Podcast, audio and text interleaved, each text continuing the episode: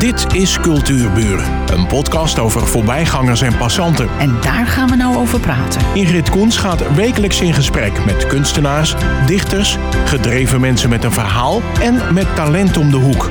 Vandaag gaat ze in gesprek met Els Goedjes en Rob Bes. Zij is geboren in Rotterdam en woont ruim 40 jaar in Winkel. Ze is de drijvende kracht achter het Stoommachinemuseum in Medemblik. Is als vrijwilliger in de functie pers, communicatie, organisator en evenementenplanner gerold. Wat een woord. Rob Bes komt uit Wervershoofd en studeert geschiedenis aan de Universiteit van Amsterdam. Hij is al sinds zijn zestiende vrijwilliger in het Stoommuseum. Hij stelde onder andere de tentoonstelling Pompen in de polder samen en ontwierp een educatieprogramma voor kinderen.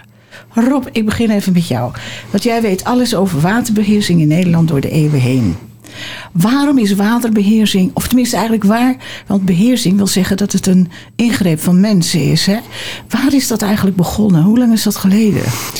Ja, dat begon heel lang geleden al, zeker in uh, West-Friesland. Um, dit gebied was er altijd al in de zin dat het, het was een soort moeras, veengebied. En dat moest bewoonbaar worden gemaakt. Dus er werden slootjes gegraven en dat is eigenlijk al het eerste begin. Dus dan hebben we het over nou, uh, de vroege middeleeuwen, voor duizend nog, voor het jaar duizend. Zo.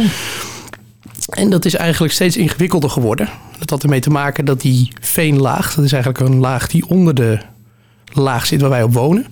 Dat is een soort spons.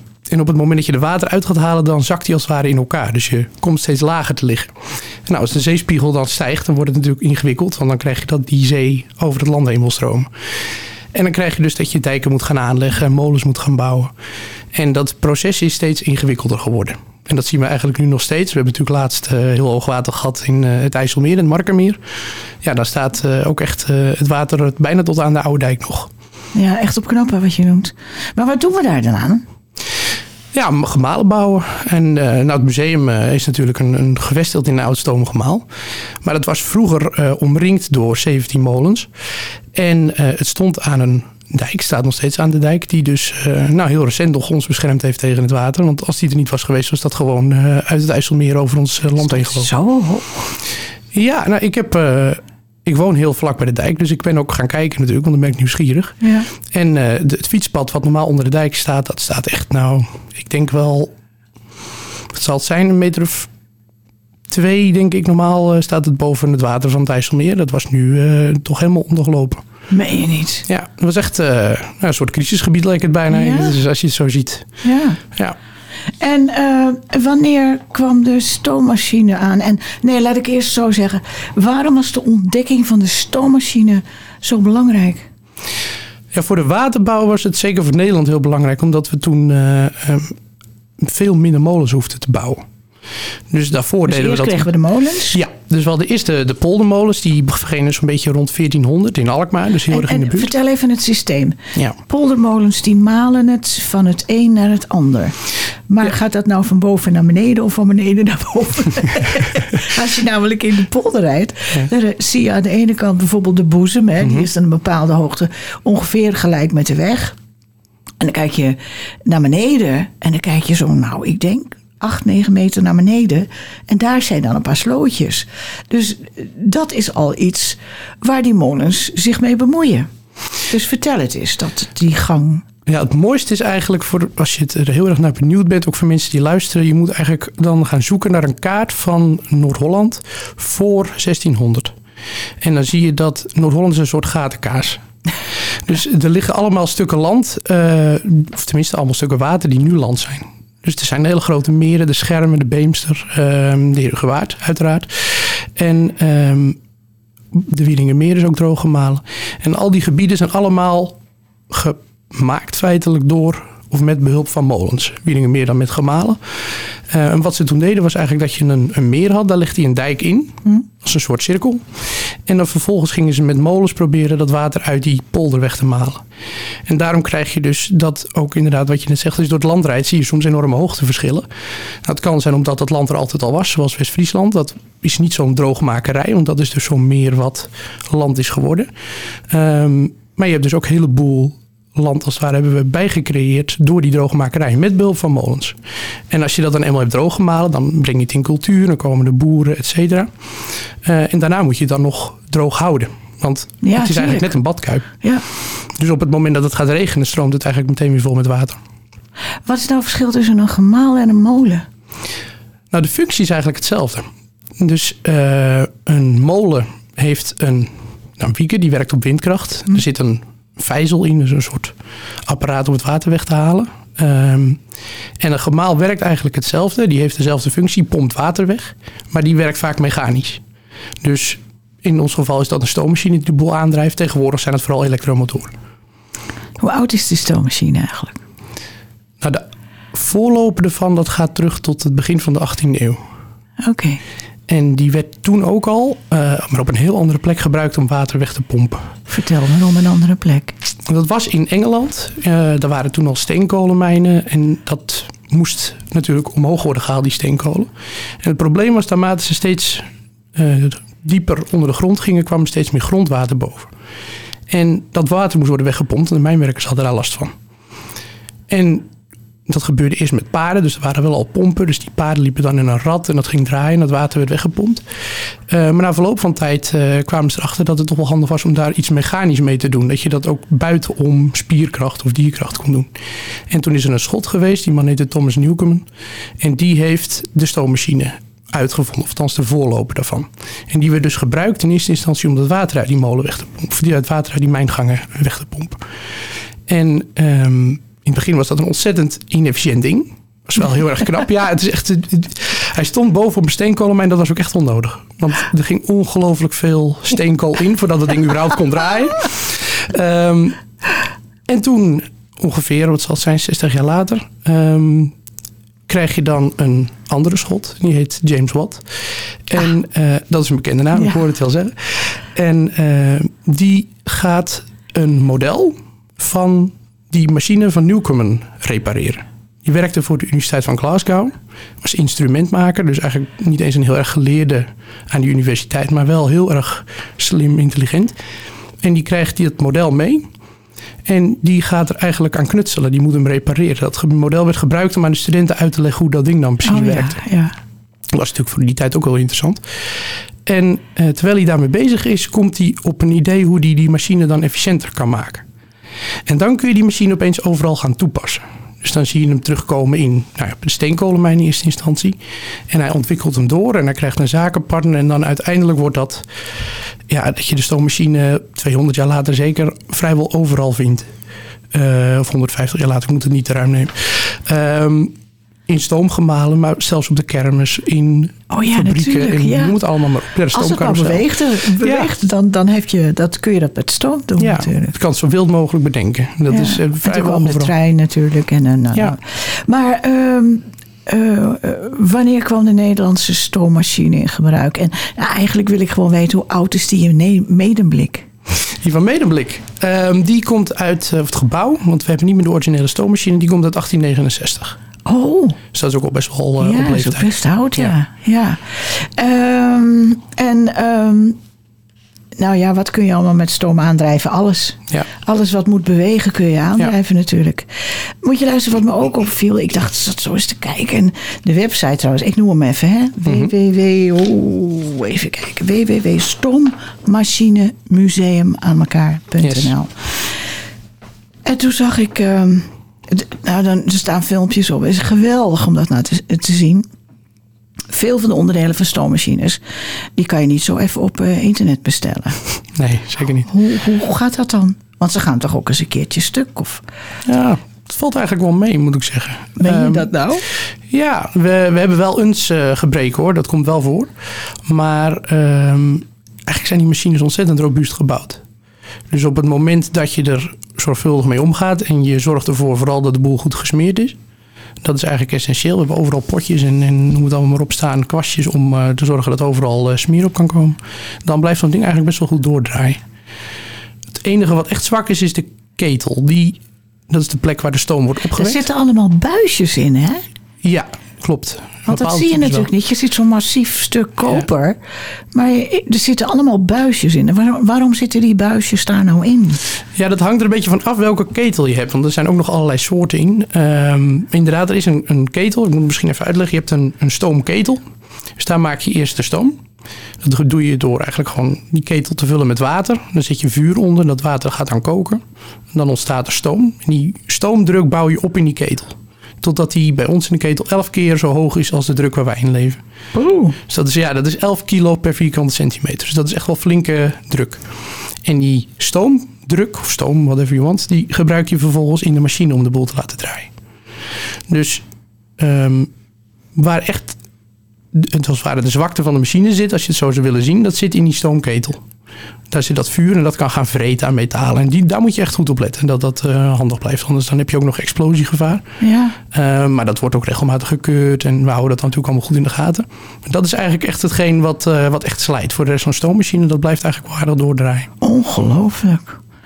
Uh, ik heb trouwens ook een foto gezien van een smederij. Ja, klopt. Vertel daar eens wat van. Ja, dat is, een, dat is net zo oud als, als het stoomgemaal. Uh, dat is een klein gebouwtje dat staat achter bij ons op het terrein. En dat was vroeger ook al de werkplaats voor uh, kleine reparaties. Dus als er iets kapot ging aan de machine, de mensen die werkten in het gemaal waren allemaal techneuten. Dus die konden dat gewoon zelf ook vaak heel goed. Die gingen dat dan vaak zelf repareren. Oké. Okay. Nou, het is zeker de moeite waard om eens langs te gaan. Niet waar, Els? Zeker, ja. Els, jij bedenkt en organiseert evenementen. Noem eens wat. Ja, onder andere, ja. Uh, nou ja, uh, in de zomerperiode van juni tot en met september is er elke maand een speciaal weekend. Uh, een van de leukste vind ik zelf is het brandspuitenweekend. Vertel er eens wat over. Nou, dat, uh, we hebben, nou, de moderne brandweer uh, komt ook altijd met een auto. Dat is leuk dat ze meewerken. Maar het gaat ons vooral om historische, authentieke brand, brandweermateriaal. Zoals een hele oude ladderwagen. De ladderwagen uit Bergen, die komt bijvoorbeeld altijd. En die rijdt dan ook nog stukjes met kinderen, wat heel erg leuk is. We hebben twee stoombrandspuiten. Oh, en geweldig. De, zegt, ja, de naam zegt het eigenlijk al, stoom. Dus die, hebben een, die stammen uit rond 1900. En die hebben een uh, keteltje staan, wat met kolen, uh, ja, wordt het water weer verhit, hè, dan wordt vuur gemaakt. En als die op druk is, dan kan die gaan spuiten. Het lijkt me geweldig. Um, je had het ook, ik heb ook gekeken, superstoomdagen. Wat zijn dat dan? Nou, tijdens de evenementen, dat zijn ook superstoomdagen. Omdat we hebben ook nog een aantal stoommachines op het buitenterrein staan. En in de museumhaven ligt een, uh, een uh, stoombaggermolen. Een, oh, dat is een, ook een mooie. kolengestookte emmerbaggermolen, als ik het goed zeg. En die wordt dan ook opgestookt. En dan kunnen mensen daar met een heel stel trappetje in afdalen. En dan kunnen ze zien hoe de bemanning vroeger leefde. En uh, nou ja, ook hoe de stoommachine werkt. En daar is een ketel en die wordt ook gestookt. En dus nou, dat is hartstikke leuk om te doen. Uh, en die superstoomdagen die hebben we ook vaak uh, tijdens bijvoorbeeld Pinksteren of met Pasen. En dat dan ook de buitenmachines draaien. Maar wat voor buitenmachines staan er dan nog? En wat doen die? Waar waren die voor, voor gemaakt? Nou, we hebben onder andere een stoomhijskraan. Oh, waar dus ook een keteltje mooi. in staat. En die ook echt uh, met kooltjes opgestookt wordt. Uh, en nou ja, als die dus op voldoende druk is, dan kan die gaan draaien en hijsen. En die hijst dan boomstammen op onze stoomraamzaag. ja. En die wordt dus ook door stoom, door een locomobiel, uh, dat is ja, een soort rijdende ketel, zal ik maar zeggen, uh, die op het buitenterrein staat, uh, wordt de stoomzaag ook aangedreven. En dan zie je dus dat die boomstam langzaamaan in planken gezaagd wordt. Oh, dus wat, dat is heel leuk om dat, te zien. Ja, wat zal het een geweldig gezicht zijn. Ja. Um, en je hebt ook nog een weekend voor stoommodellen. Ja, in september, dat is het stoommodellenweekend. Um, nou, dat, volgens mij is het dit keer al voor de negende keer dat we dat houden. Dus het begint een beetje bekend te raken in de wereld van de modelbouwers. Uh, maar de model... oh, modelbouwers? Ja, want dan zijn het niet alleen onze eigen modellen. Want het museum heeft een uh, expositie met prachtige modellen. Uh, die ook kunnen bewegen, maar die staan in vitrines. Maar dan komen modelbouwers van heinde en ver naar het museum om hun zelfgebouwde modellen te showen. Waar onder andere ook uh, stoomlocomotieven die dan op een baan rondrijden. Of eh, stoombootjes die in het waterachtige Oh, dat is museum... eh, leuk, radiografisch bestuurbaar, maar wel echt eh, een stoomboot. Dus met een keteltje aan boord. En eh, ik denk niet met kooltjes, maar dat dat met een soort gas eh, dan aangestoken wordt. Maar dat is hartstikke leuk om te zien. Ja, dat geloof ik. En eh, er was nog iets wat, ik, eh, wat mij op de website eh, opviel: www.stoommachinemuseum.nl. Eh, ik zag een, een zaal en die heet Stoomkracht in het dagelijks leven van Nederland.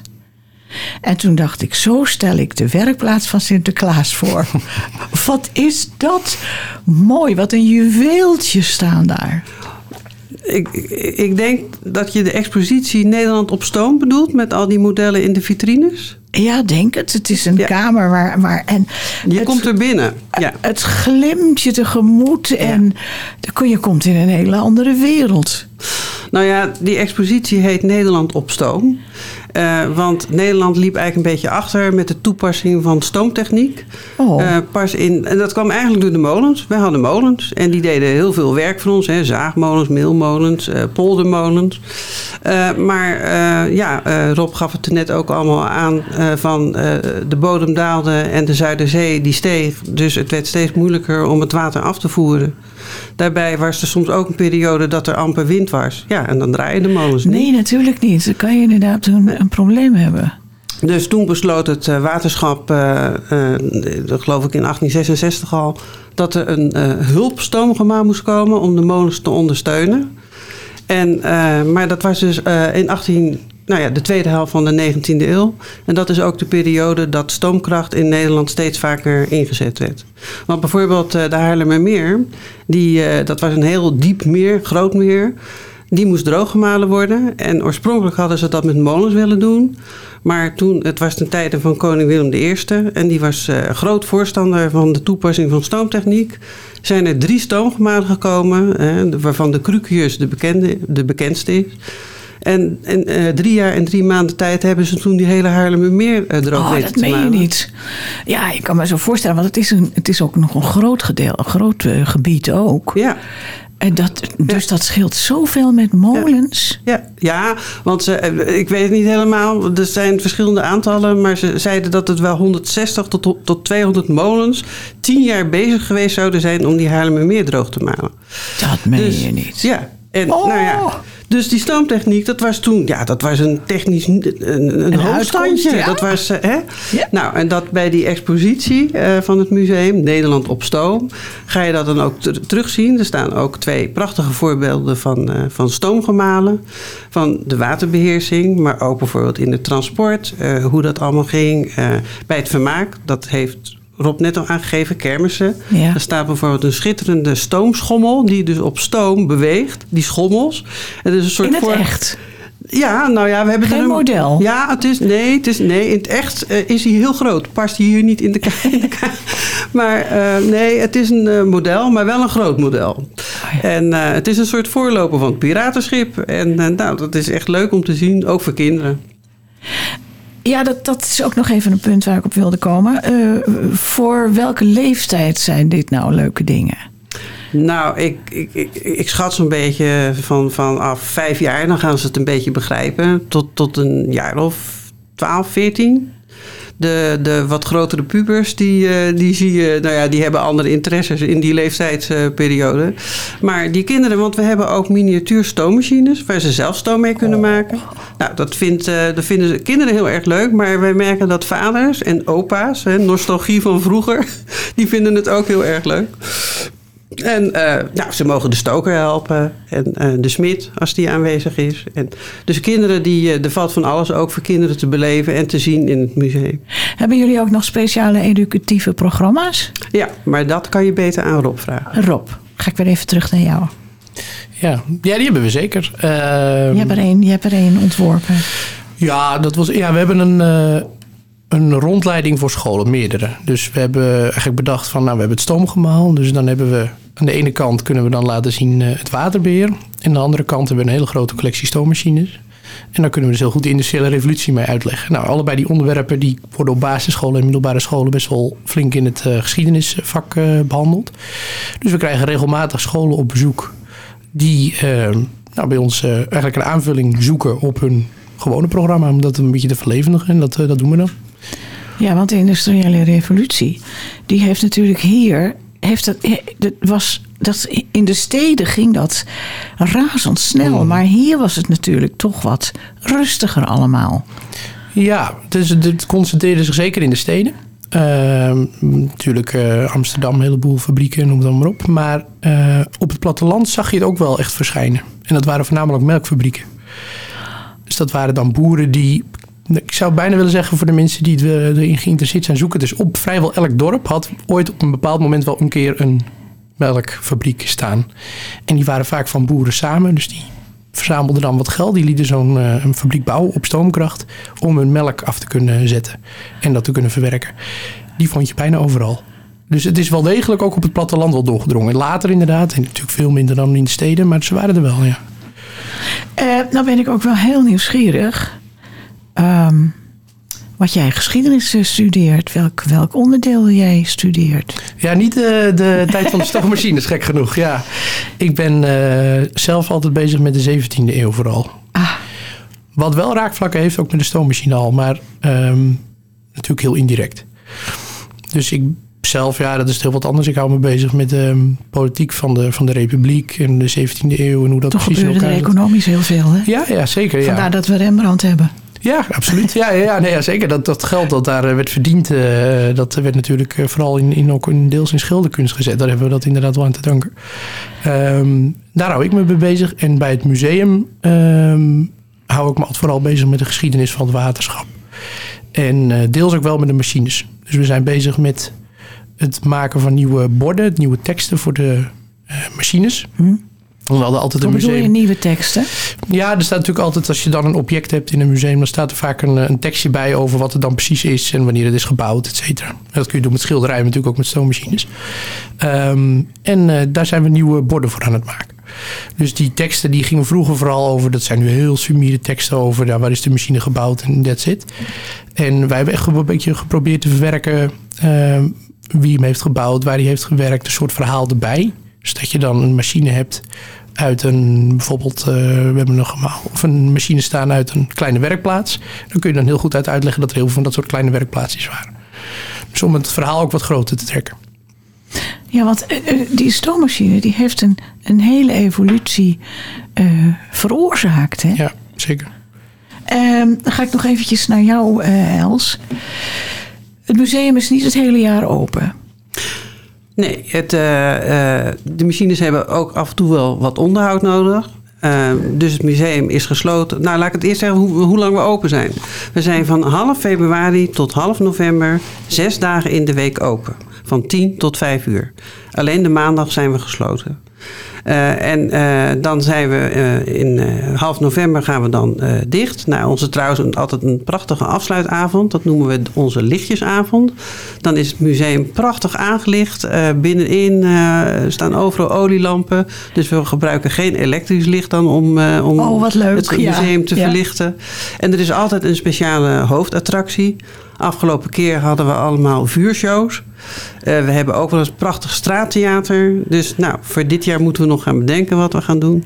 Maar dat is dan echt onze afsluitavond. En dan, nou ja, in het donker, dat, dat trekt heel veel mensen. Ja, ook veel kinderen. Want dat vinden kinderen prachtig. Hè? Spannend in het donker. Dus dat is leuk. Maar ehm, dan gaan we zes weken dicht. Tot aan de eh, eh, kerstvakantie. Dan zijn we twee weken open. En daarna sluiten we weer. Dus op het moment zijn we nog dicht. Maar vanaf 10 februari gaan we tot en met half, half november zijn we al die tijd open. Zes dagen in de week. En ik was heel benieuwd, hè, want eh, het is een heel mooi museum ook. Het is niet alleen ehm, dat het eh, ehm, allemaal mooie dingen bevat, maar het is ook een mooie omgeving. Is het ook een trouwlocatie? Ja, ja. Oh, kijk, dat, Dat wilde kan, ik nog ja. even weten. Leuk. En, en eh, het, nou, het bezoekerscentrum van het museum, dat is een modern gebouw. Dat is onlangs helemaal verbouwd. En dat is nu twee keer groter geworden dan het oorspronkelijk was. Feestje. Ja, daar kan je, je, je- ja, je kan het afhuren voor van alles. We voor het aanstaande zondag hebben wij, en dat is wel leuk ook op het verhaal wat, eh, wat Rob vertelde, sluit dat mooi aan. Aanstaande zondag is er een lezing van een voormalig loco dijkgraaf van houden we de voeten droog Oh ja. in West-Friesland Duitsland, maar ook in Nederland. En die gaat daar een heel verhaal over het waterbeheer vertellen.